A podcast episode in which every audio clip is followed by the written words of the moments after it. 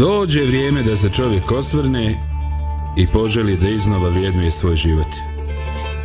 Pratite emisiju sa komšijom zdravkom. Elije, pozdrav slušalcima e, Radio Pomirenja. E, pozdrav i tebi Lidija. Evo, napokon se vraćaš napokon se vraćaš u, u, u sedlo, kako bi to rekli. tako je, tako je. Reci mi, ovaj, e, prehlada iza nama čisto da znam ono što se tiče, znaš, ono distance u bankama, držite ostojani dva metra. Ovaj, dobro, ajde, drago mi je, nadam se da će se sve završiti na tome, malo voća, vitamina, pa idemo dalje. Ovaj, tek je, tek je ovaj, zima. Ovaj, čuvajmo se Marta. Znaš ono narodnu Mart skup, kupiš kart, ali to se više odnosi na ove stare, ne odnosi se na vas mlade. A znaš šta, ne znam šta to znači, ali kad spominješ Mart, ja nekako sam se uvek razboljevala tako ono pred kraj zime, ono kad već svi ono prošli sve boleštine, e mene onda hvata.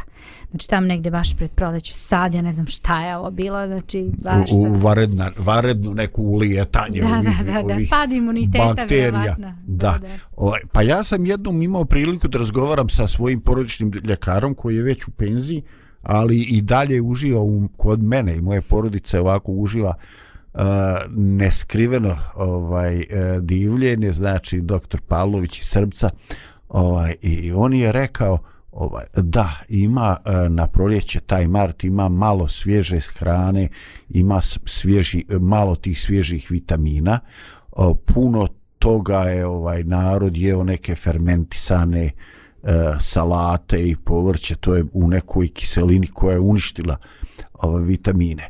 Također mi je objasnio da dva puta godišnje e, tijelo mora da prilagodi enzime e, da bi e, kvalitetno varilo te različite namirnice koje se bitno mijenjaju ovaj znaš ono narodno kaže ovaj zima je počela kad umjesto punjenih paprika kreneš da motaš sarmu. E to da. Da, imaš kiselo kupusa. Ovaj da. tako da uh, tad sam prvi put čuo da postoje neki pametni ljekovi i on mi je spomenuo neki lijek za regulaciju uh, kiseline u želucu, a što pametan. Kaže ovaj zato što on reguliše i visoki i nisku ovaj uh, i nisku kiselinu u želucu. Možeš misliti, mm. Lidija, ono, on sam kaže, evo ovdje je manjak, ovaj pravi više ili ovdje višak smanjuje. Mislim, nevjerovatno. Ono, ja, pa dobro, koji je to lek? Kako to ide? Ne znam, ne znam, moram vidjeti u Srbcu u ladici. Ja sam ostavio kutiju i on kaže, ja i ne pitam šta će biti, ja dva put godišnje uzmem jednu kuticu i popijem to i to je to. Da. Eto, svašta možeš naučiti od starih ljudi i od starih ljekara od starih ljudi možeš naučiti kako valja, a možeš naučiti kako ne valja. No, to je to. pa od mladih tako nekako. ovaj, eh, danas eh, razmišljamo o, o toj nekoj našoj eh, razapetosti nas kao ljudi jer ovaj eh, mi veoma lako ovaj skliznemo i sjećam se kad je neko, neko jednom rekao o prijatelju pa ovaj saobraćajna nesreća je skrenuo tu u lijevi ili desni kanal u jednu ili drugu krajnost ti si išao sa zaleđenog kolosijeka kolovoza jeli, i ti si, ti si, u, ovaj, ti si u belaju u svakom slučaju. U najboljem slučaju traži komšiju s traktorom da ti izvlači. Ovaj, e, tako i to. Ovaj, mi e, posmatramo ljude ovaj, i za jedne ljude kažemo čovač on se ubija nepotrebnom brigom a za druge ljude e, komentarišemo sasvim drugačije i onda kažemo, znaš, onu ovaj e, ružnu imenicu i kažeš, e, njemu je more do koljena, šta to znači? Ma čovače, kod njega je sve lako ćemo, ali to lako ćemo je toliko nepodnošljivo, lako ćemo da, a ovaj, on je sve predvidio da funkcioniše u idealnim okolnostima. Sad, ako izleti nešto, znači neki, neka varedna okolnost, neki varedni finansijski trošak, bilo šta što je van plana, on je, on je pukao, on se više ne može snaći, jer on je sve isplanirao pod idealnim uslovima, a u, u životu to ne biva. Vas da nešto, ovaj, vaš da nešto nas iznenadi. Jeste. Ovaj, I eto, pogotovo kad voziš kola, ja sam se nekad čudio što narod kaže, pa to ti je ko jedno još čeljade u kuću koje moraš da brineš, mm. tako moraš i o kolima. I čak i kad su novije, novije godište, a ne ovi naši ovaj, punoljetni uh, koji su služili već vojsku, imaju preko 20 godina. Ovaj, I zaista je, e, zaista je borba između ta dva ovaj principa. Iako mi u životu obično postavljamo e, za konkretne situacije konkretna pitanja šta bilo dobro, šta bilo pametno, e, suštinski e, radi se o sasvim različitim e, pristupima, koncepcijama, paradigmama ovaj, i e, eto, na kraju u uvodnu riječ pročitaću e, ono što Isus rekao u Svetom evanđelju po Mateju šestoj glavi kad kaže niko ne može dva gospodara služiti jer ili će jednoga mrziti a drugoga ljubiti ili jednoga voljeti a za drugoga ne mariti ne možete služiti i Bogu i mamoni eto možda je ovo i dovoljno za start za početak i za ovaj naše uh, uhodavanje pa da se malo zamislimo uz jednu e, muzičku tačku. Može.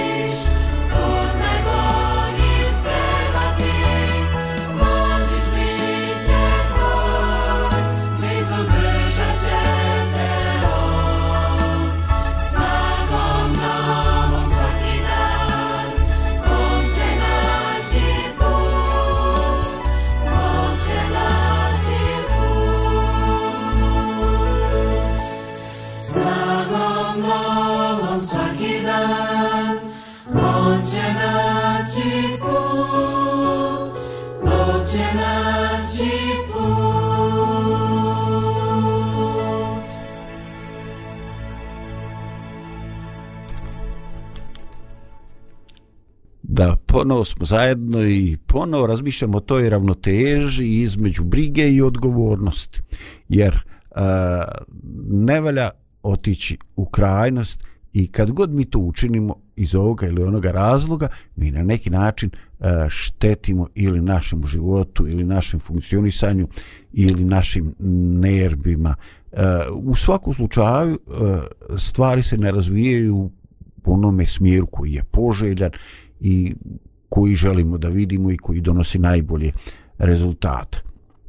Ali e, interesantno je u stihu koji smo čitali u svojim riječima e, on jednostavno iznosi jednu izjavu i kaže e, kao dva različita koncepta. Ne možete služiti Bogu i mamonu.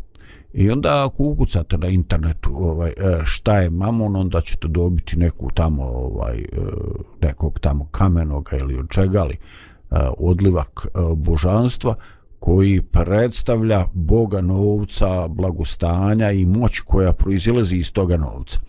I Isus jednostavno kaže, ako je to princip tvoj život, tvog života, ti nećeš uspjeti da se pokoravaš i jednome i drugome principu definitivno htio ti ili ne htio ti ćeš biti e, sluga jednog principa a drugi će ti biti stran e, nećeš ga voljeti nećeš na taj način razmišljati šta više osjećat ćeš odbojnost prema to, toj percepciji života. Neće to neka biti paradigma koja utiče značajno na tvoj život.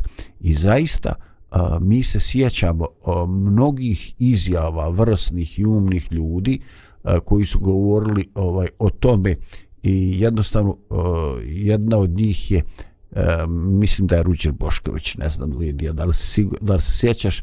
On kaže svijet je stvoren da bismo voljeli ljude i služili se stvarima. Zlo je nastalo u onome trenutku kad smo počeli da volimo stvari a služimo se ljudima. I zaista, iako to na prvi pogled djeluje kao jedna zgodna, virtuozna igra riječi, to je čovječe strašno. To je znači izjava koja, o, mi bi rekli onako našim, našim jezikom ovde, uh, e, izjava odvaljuje. Znači, ne možeš, ne možeš ovaj, jedno i drugo. I ovdje nije pitanje kako se mi odnosimo u konkretnim situacijama, u konkretnim pitanjima e, prema nečemu. Pa onda eto, imamo nekoga ovaj, razumnog u porodici, pa nazovemo pa ga pitamo za savjet. Znači ovdje se radi o konceptima e, po kojima mi funkcionišemo kao ljudi, po kojima funkcioniše naš mozak i koji e, tačno i nepogrešivo unaprijed određuje kako će mi reagovati, čak e, da li smo nevezano za to da li smo mi kao ljudi svjesni da mi e, pripadamo ili da služimo tome konceptu. E sada, ovaj, e, pitanje, ovaj, e, Lidija, ajde možda će ovo biti malo iznenađenje, ali e, šta misliš, da li je čovjek e, vazda svjestan e, Eh, kad postoje ti suprostavljeni koncepti razmišljanja, gledanja na život, da li je čovjek vazda svjestan eh, kom on konceptu pripada? Ili možda još konkretnije može li on deklarativno pripadati jednom konceptu? Ova, i reći ja sam pobožan čovjek od mene je to riješeno i moj djeda, moj čača ja, svi smo tako gledali duhovne vrijednosti predpostavljali svim ostalima a u praksi kad gledaš njegov život on faktički živi za stvari za moć, za novce, ajde što bi rekli, jako ružno zvuči, uh, klanja se mamonu, iako možda nije svjestan. E, ima li toga? Je li čovjek uvijek svjestan koncepta kojem stvarno pripada? Da. Pa znaš kako, mislim da se koncept kako mi posmatramo sebe i kako mi mislimo da mi jesmo i ono kako nas drugi gledaju nekada razlikuje, neka, ne, da ne kažem sad uvek razlikuje, ali se ponekad razlikuje, jer mi nekada želimo da se ponašamo na određeni način i da prihvatamo neke koncepte u životu, da oni budu sastavni deo našeg života i mi stalno o tome govorimo kao da mi to Već jesmo. već jesmo ali kad nas neko suoči sa nekim stvarima onda shvatamo da, da ipak to nije baš tako. Uh, mi, rekla bih da smo često nesvesni uh, naše prave realnosti i da ono kad kažemo poglede, okreni prst u sebe, pa pogledaj sebe, pa malo ti razmisli. Recimo, evo ja ću, ja ću konkretno i, u, u, iz svoje perspektive, uh, znaš, ja sebe recimo posmatram i kažem, hej, pa ja, Znaš, evo kad, smo, kad je baš reč o, o nekoj toj vrsti pobožnosti, šta ja znam, ja kažem, hej, pa ja sam stvarno dobra osoba, baš, eto, trudim se da prema ljudima postupam kako treba, da nekako imam dobre odnose sa ljudima, da poštujem ono sve principe neke, znaš, i tako, ono. Ogledalce, ogledalce, da. Da, da, niko kao ja. Da. Stvarno, znači, eto, i, i u porodičnom životu, i u poslovnom životu, u svakom nekom odnosu gledam nekako da to sve funkcioniše kako treba i super, ja stvarno jesam neko, na neki način i pobožna i sve. Međutim, ako bih ja pitala svog kolegu Zdravka Vokića, ovaj, jesam li ja stvarno pobožna, da li moj život i to kako on mene poznaje stvarno to i pokazuje, Pa ja verujem da bi možda priča izgledala malo drugačija iz perspektive kad bismo stvarno htjeli da, da, da otvoreno govorimo jedni o drugima, ja bih mogla da kažem hej, ipak ovaj obrat pažnju na neke perspektiva, detalje. da, tvoja perspektiva Mhm. malo drugačije mene posmatra. Da. Pa vjeru isto bi bilo i kad bi ja pitao svoju koleginicu Lidiju, eto ja u nekim stvarima mislim ovako, ali vjerovatno, vjerovatno ovaj e, drugi ljudi, drugi ljudi zadržavaju i imaju pravo da imaju svoju percepciju svega pa i ljudi s kojima su ovaj okruženi. Ovaj e sada e, s jedne strane Lidija to bilo baš super.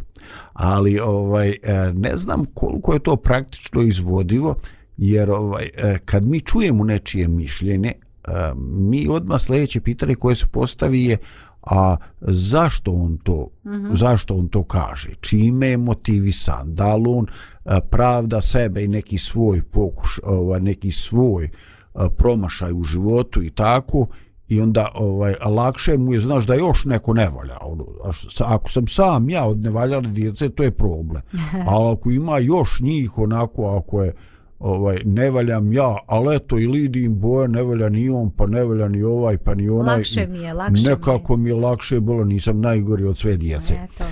Znači, e, ima toga. E, pa znaš i sama psiholozi to ono već definisali kao ovaj e, neki naš super ego. Znači neka slika koju smo mi e, stvorili, formirali od nama samima i ovaj eto mi nekako se trudimo da tu sliku opravdamo i zadržimo ovaj i da kažemo da ona stvarno jeste rezultat realnosti i da nije neka naša imaginacija o nama samome nama samima ali ovaj eh, ono što ja ne mogu još da odvojim se od ovih Isusovih riječi kada on kaže ej ljudi ne možete nemoguće je ne možeš ti služiti Bogu i tom principu materijalnih vrijednosti ne možeš obožavati novac materijalno posjedovanje i mogućnosti i moć koja iz toga proizilazi i obožavati Boga i biti pravi vjernik. I ovo čoveče djeluje malo ovaj depresivno. Znači nama se ne kaže nije dobro, nije idealno, imaš alternativne mogućnosti. On kaže u tvome će životu biti ili jedno ili drugo. Katastrofa je ako umisliš da je jedno, a u stvari nije tako kako si umislio, nego je nešto uh, sasvim uh, drugo. Uh, imao sam priliku ovaj e, da, da čitam neke jako ozbiljne hrišćanske autore ovaj, i oni kažu čoveče šta se desilo. U prvim vijekovima hrišćanstva hrišćanstvo je bilo u katakombama. Šta to znači? Pa malte ne u ilegali. Skrivali se u pećinama tamo u Rimu i ostalo ovaj molili se gospodu razmišljali o svome e, razapetom i vaskrslom Isusu koji je izlio darove duha svetoga. E, pokušavali da prežive u tome e, pod različitim carvima e, bilo mudracima ili ludacima. Hrišćanstvo je bilo absurd grcima ludost neznaborcima nešto jako čudno. I dogodio ono bilo absurd i dogod se za hrišćanstvo plaćalo ono je raslo. U onome trenutku kad je e, hrišćanstvo postalo sistemsko rješenje postalo institucija kad je bilo nešto što je uživalo dobru volju tadašnjih rimskih careva, ajde, oni su bili aktuelni, ovaj nakon nakon ovaj nestanka zapadnog rimskog carstva još puno puno godina hiljadu godina je trajalo istočno rimsko carstvo ovaj i odjedan put znači hrišćani niko ne progoni ali ovaj hrišćani eh, postaju e, blagi e, postaju kao hrana bez soli. E, nema apsurda. E, sve se prilagođava čovjeku sve se kontekstualizuje ovaj nekako eto sve se čini da to bude e, e, piće koje je pitkije da bude hrana koja je ugodnija nepcu.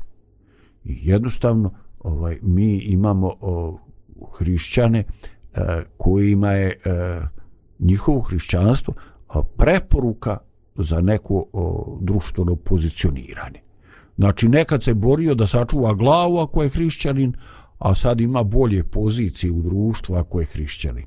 I od jedan put kao da dolazi do smjene tih ljudi.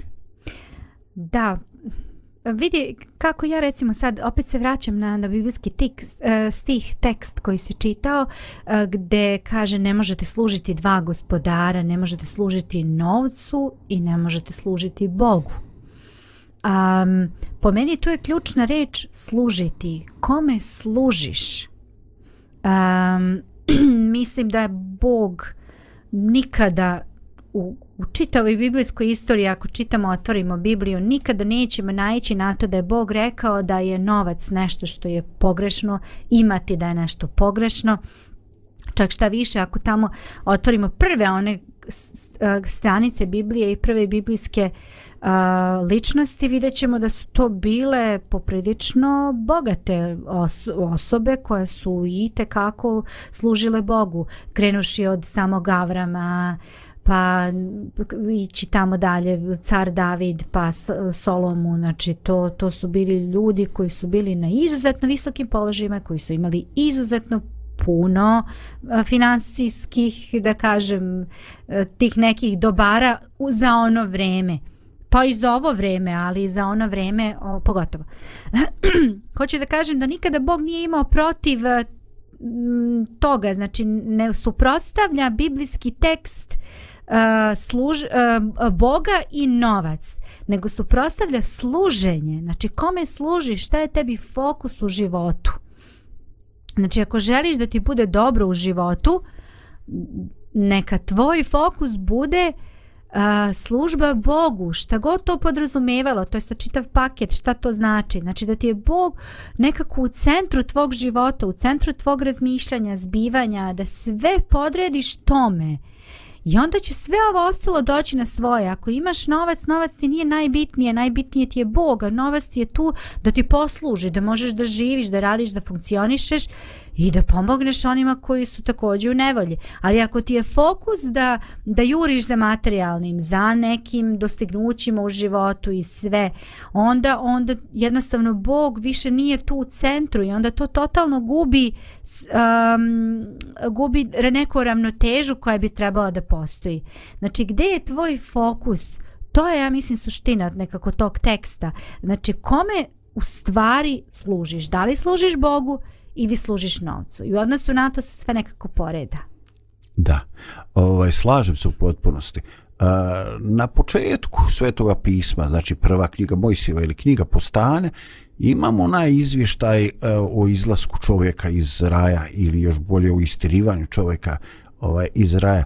I tad su nabrajane neke uh, tegobe ili tereti koje će on nositi na toj zemlji dogod ona ne bude oslobođena od zla i grijeha. Ovaj, I tad je rečeno da će žena s mukom rađati, a s druge strane čovjeku je rečeno u znoju lica svojega e, uh, ješćeš hljeb ovaj, dok se ne vratiš u zemlju iz koje si nastao. Uh, dakle, samo to predpostavlja i samo je to nagovijestilo e, da će e, egzistencija bilo kojim poslom da se bavimo e, ovaj biti skopčana sa određenom napetošću i sa određenom ovaj brigom. I to nije samo pitanje siromašnih ljudi koji ovako razmišljaju kojim mađončarskim trikom da poplaćaju sve račune, znaš, ono u gradu, mm. struja, voda, smeće, ovaj e, i tako, nego je e, skopčano i sa ljudima e, koji ajde da kažem stvorili su neka sredstva I jednostavno ta tržišna utakmica, makar u našem vremenu, ona je bespoštedna i jako se lako može desiti ono kao što mi slušamo u novinama, čitamo. Velika firma, sistem lanaca, pa onda kaže naslov, boj, bankrotirala, nestala, zatvara se, ovo i ono. I sad ne samo da ne, neće dalje funkcionisati, nego je sasvim moguće da su tu nastali minusi koji su jako sporni kako će biti ovaj namireni. I ne samo kako će biti namireni minusi i dugovanja toga preduzeća nego šta će biti sa svim onima koji su povjerioci koji su im dali robu ovaj na neki poček ili tako. Znači jedan e, lanac ljudi je u svemu tome uključen koji ulazi u riskantnu zonu. I sad e, svaka znači nova investicija, svaki napor, e, svako ovaj e, ulaganje novca su skopčana sa određenom razmišljanjem, rizikom i brigom na što će to ovaj izaći. E sada, ono što je najvažnije ovdje jeste što pojam briga nije uvijek povezan sa nekom racionalnom opreznošću, ovaj, nego je često mi u glavi eh, prevrćemo opcije šta bi bilo ovaj, eh, kad bi bilo. Eh, Lidija, koliko si ti puta u životu bila u prilici ovaj, da se brinula za nešto, bilo u tvom životu, bilo u životu djece, u školi njihovo i tako, pa šta ako ovo, pa šta bude ako ono, i ovaj pojelo ti to, stvorilo ti je e, neko vrijeme, stvorilo ti je besane noći, e, nise dobro osjećala, a, onda u životu bi budne na neki način koji je sasvim drugačiji. I ti kažeš, Bože, gdje mi bi pamet? Što sam se toliko e, ispucao, toliko energije, toliko a, jada i, i, i žuči prosu u svoj želudac, i sve to ubudale jer ništa od toga što sam se ja brinuo ovaj, e, nije bilo. Dakle, e, kako, e, kako se odoliti iskušenju da e, budemo odgovorni prema životu i prema svojim odlukama, a s jedne strane, a sa druge strane da nas ne proždiru brige od kojih definitivno nemamo ovaj nikakve koriste. Kako ti to rješavaš? Ili bakar kako pokušavaš riješiti? Ajde budem realista. A? Da budi realista, da. U ovom slučaju svakako treba biti realan. Nisam sigurna da možemo da izbegnemo baš brige, ali... Um, ne znam, ja mislim da nekako mi smo majke valjda rezervisane neko, nekako nas je pretpostavljao Bog tako i uh, stvorio da smo sklonije tim nekim brigama ne znam, možda nisam u pravu verovatno da i nisam jer no, glupo bi bilo reći da sada vi muškarci da ne tata. brinete da, da.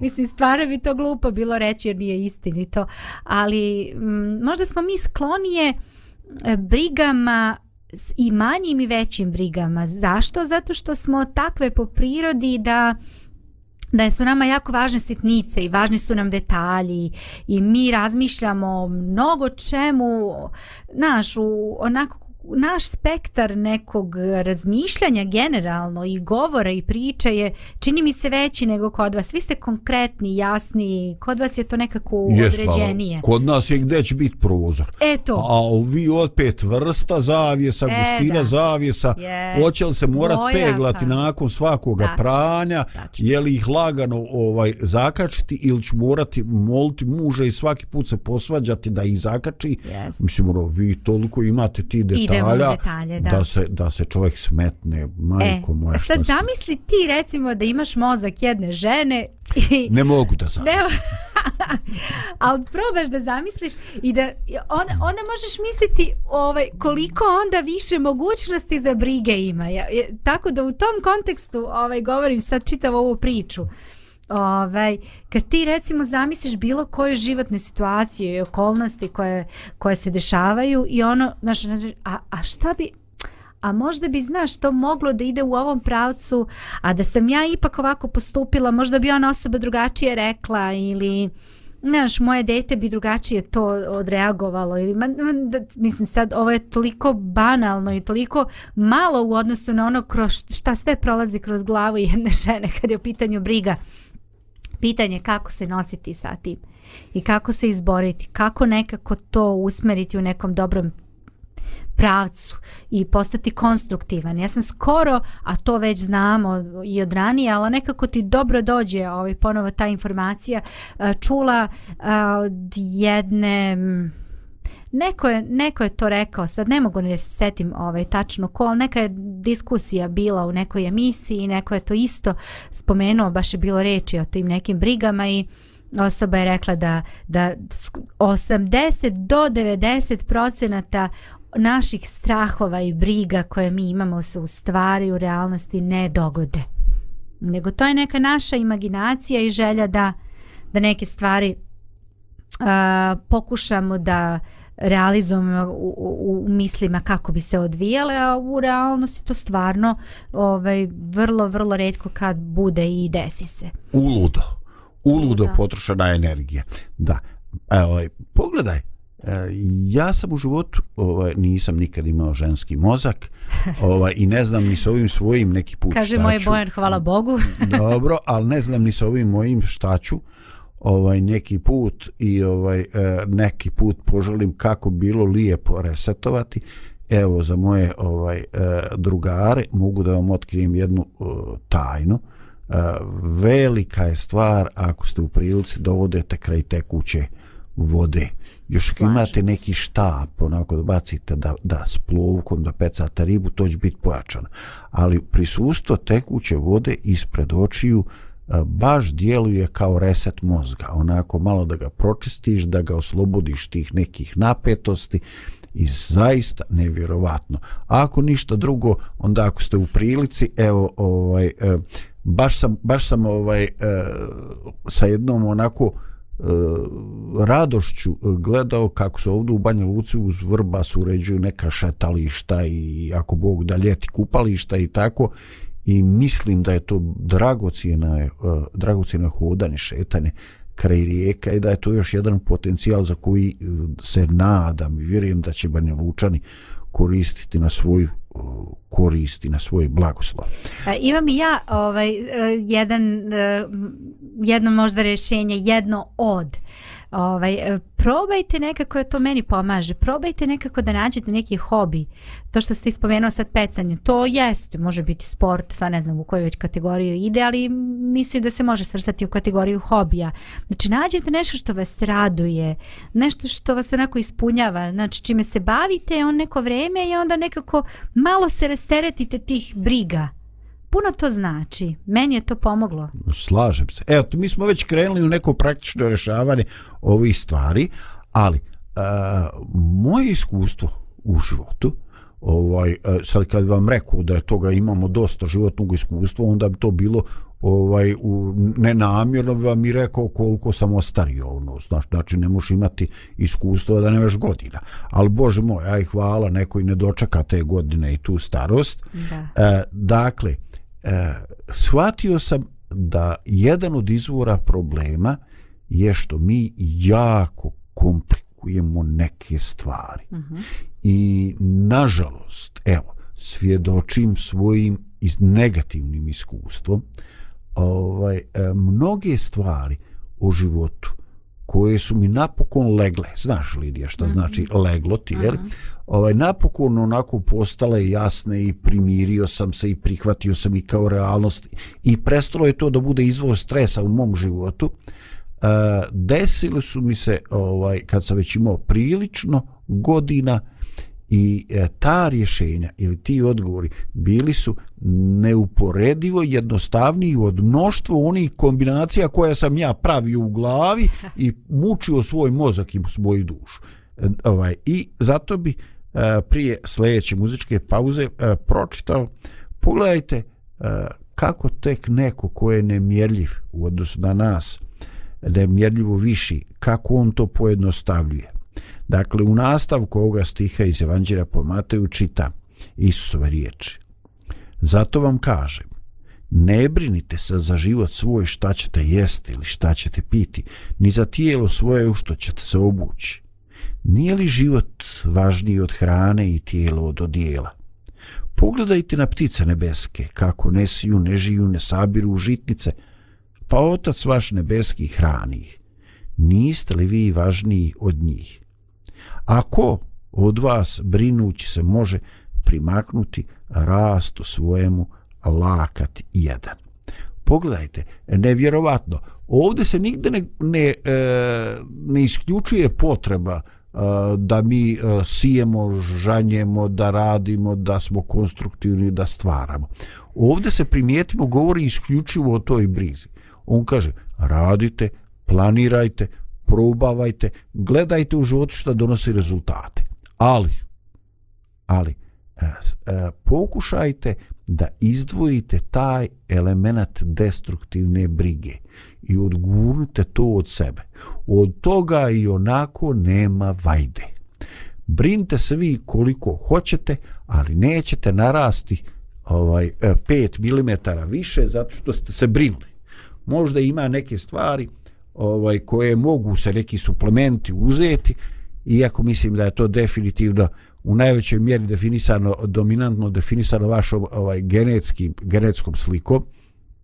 Ali ako imaju neke e, materije i vježbe koje mogu uticati na to ali definitivno tjeskoba i briga na to nikako uticati neće. Dakle rad konstruktivnost traženje najboljih rješenja, ali sa što manje brige. Eto, čini mi se da ovo upravo jeste problem što ovo djeluje jednostavno i zaista treba nam Božja pomoć da tu jednostavnost prihvatimo. Eto, Lidija, možda je trenutak za još jednu muzičku pauzu. Može.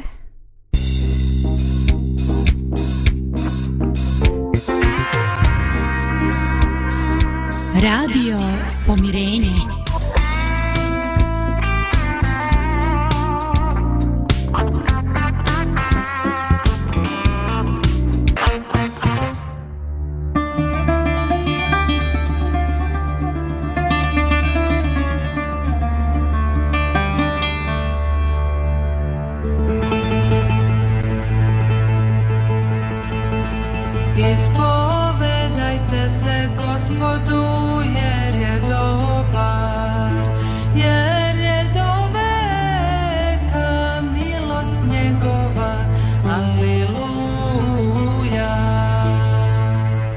Dobro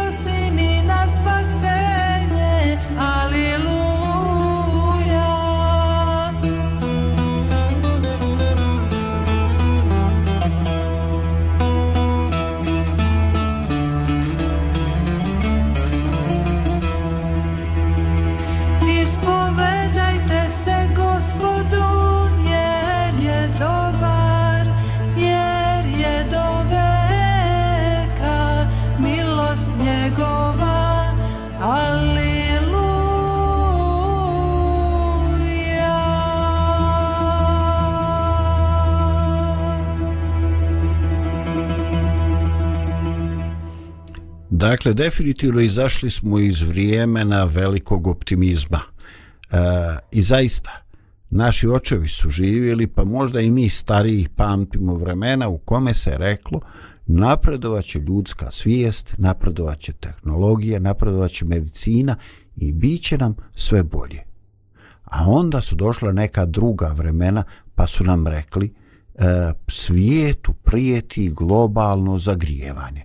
I kao što ja imam običaj da kažem, eto, svijet se zagrijava, a ja nikako da o, spalim manje od 10 metara drva, bez obzira što idem na najracionalniju verziju i trudim se i sve, ali nikako. Šta je sa zagrijavanjem, ne znam, pitajte neke veće stručnjake, ali očito je da ljudi nisu optimistični. A, također govore o smanjenju a, zemljišta a, koje je poljoprivredno, koje stvara ljudima hranu. Također a, autoritet i a, suverenitet ljudi nad proizvodnjom hranom u nekim dijelovima zemlje nekugle se dovodi u pitanje. Jednostavno E, postoje velike korporacije kojima se ne znaju ni vlasnici, niko i ništa i oni u potpunosti diktiraju e, koliko će se čega proizvesti, po kojim parama i tako. Jednostavno nestalo je ona mikroekonomija između nas i naših ovaj komšija E, on ima janje, a njemu rodio krompir i tako, a ovaj je trgovac dovezo je ulja i, i ovaj e, e,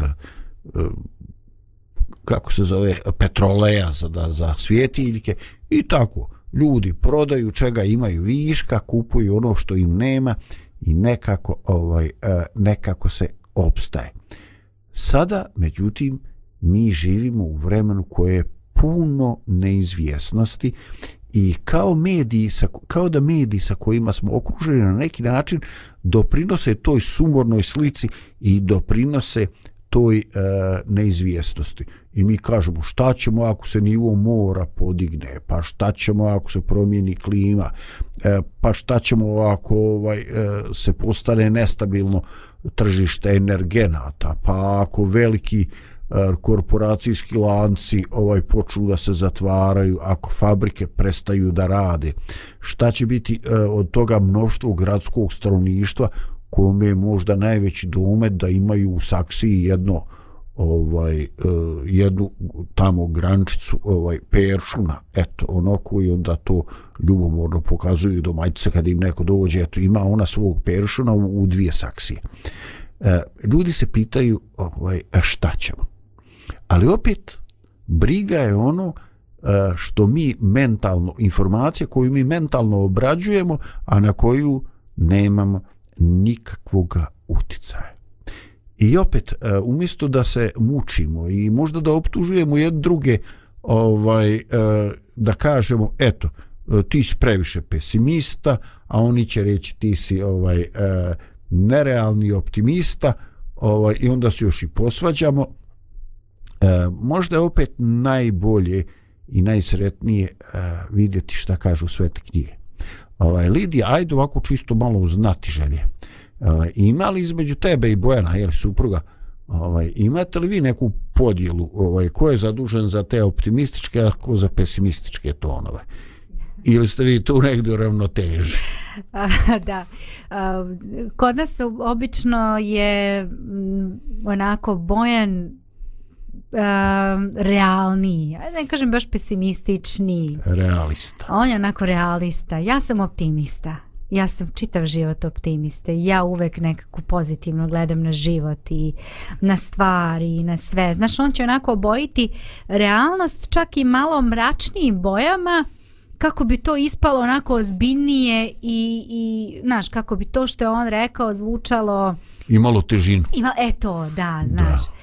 Ovaj, muško, muško, šta Pa ver, ne znam, možda je, možda je do toga, možda je do tipa ličnosti, ne znam. Ja nekako uvek gledam pozitivnije, daleko od toga da, da ne brinem, ja sam malo pripričala o tome, znači ja eto, ko žena možda još i više, ali, ali generalno, znači, za stvari u životu ja sam nekako više optimistična. Da, pa ovaj, kad se radi o djeci, eto, ono, kažem, u mom je domu odre, odrasla su tri sokola i odletjela. Da. Ovaj, ali e, naše razmišljanje o njima i na neki način briga i ovaj, i kad smo svjesni da oni imaju neke krizne situacije, a hvala Bogu ovaj, često nismo ni svjesni, da. jer on to prešute, ovaj, e, je nešto što nas ne ostavlja hladne i ovaj mi se toga sjećamo nekad je to ova destruktivna briga a nekad je to ovaj e, poziv ovaj e, neka poriv za molitvom i onda sjećam pokojne bake i ona je rekla sad čuvaj Bože svačiju djecu a moji ne, i ni moji ne zaboravi mm. ovaj, i opet kažem e, u završnice našeg današnjeg razmišljanja da se vratimo na Isusove riječi jer nekako nekako ovaj to je nešto što ja doživljavam kao pozitivnu i ne samo pozitivnu nego do kraja jednu uh, realističnu i pouzdanu informaciju. E, ja vjerujem ako je gospod tako rekao da to tako funkcioniše. E sada u pojedinim slučajima može biti ovaj e, nešto neko rješenje ili neko dešavanje koje će biti malo uh, E, sretnije iznenaditi nas dobrim razvojem situacije, a u drugoj situaciji to može biti neko teže iskušenje nego što smo se nadali. Ali uglavnom meni je nekako drago uh, i raduje me da vjerujem i da obraćam pažnju na ono što je gospod rekao. Dakle, i dalje smo u šestoj glavi Svetog Evanđelja po Mateju, gdje čita Ne brinite se, dakle, govoreći šta ćemo jesti ili šta ćemo piti, ili čim ćemo se odjenuti. Jer sve ovo ne zna božci ištu, a zna i Otac vaš nebeski da vama treba sve ovo. Nego, ištite najprije carstva Božjega i pravde njegove i ovo će vam se sve dodati. Ne brinite se za sutra, jer će se sutra brinuti za se. Dosta je svakome danu zla svoga. I zaista ovaj, ovdje postoje dvije izjave i dvije činjenice koje mene ushićuju. Ja bi bio tako sretan eh, kad bi imao dovoljno eh, razumnih eh, riječi i, i kad bi imao pravi ton da nekako dobacim do vas koliko je meni ovo značajno i koliko je meni ovo optimistično. A to je E, postavlja se ova suprotnost, ovo poređenje. Pa to je prirodno. I oni koji ne znaju Boga tako se brine. Ali onda izja, ljudi, ma zna Bog da vama sve to treba. On je bio na zemlji u liku svoga sina koji se utjelovio. Ali e, on ne želi da vaš život prolazi u stalnom strahu za tu egzistenciju on želi da se vi trudite, da radite, da se borite sa životom, da štedite, nekada i da se odričete. Ali uh, on želi jednostavno da vi ne budete zaokupirani s tim. Da plaćane računa ne bude vaš sadržaj života. I on kaže, tražite prvo šta? Carstvo Božjeg. I pravde njegove. Uh mhm. -huh.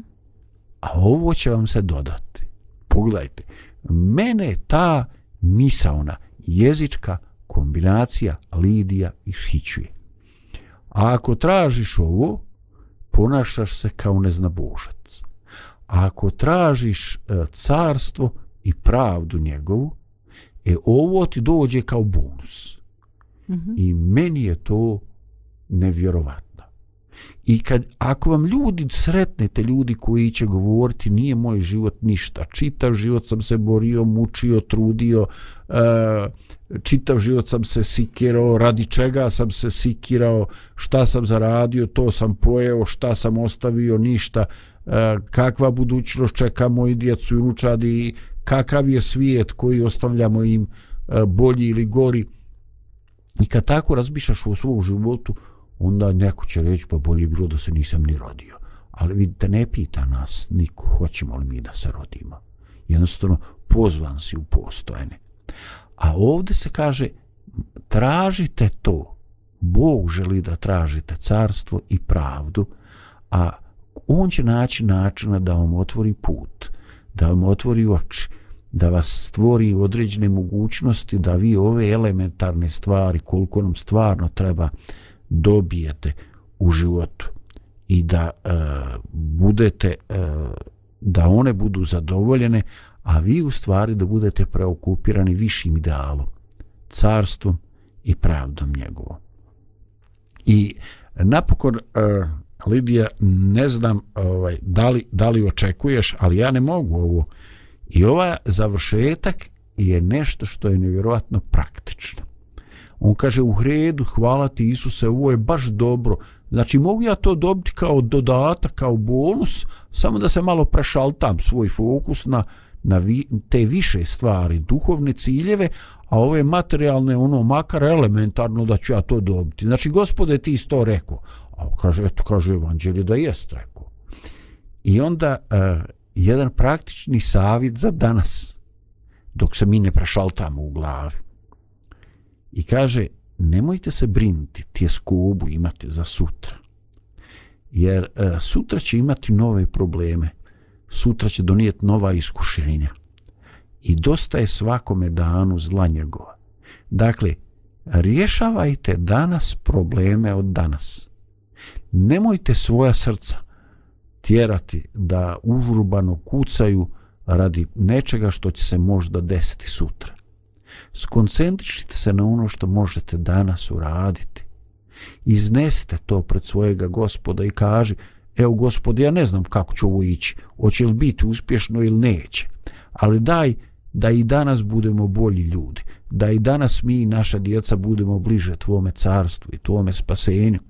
Ovaj, I daj da zahvalnošću završimo ovaj dan i da te ponovo slavimo kad ujutru svane i kad se probudimo i kad postanemo svjesni i kad sagledamo da smo i dalje živi. I onda će doći sutra. I sutra će opet doći problemi.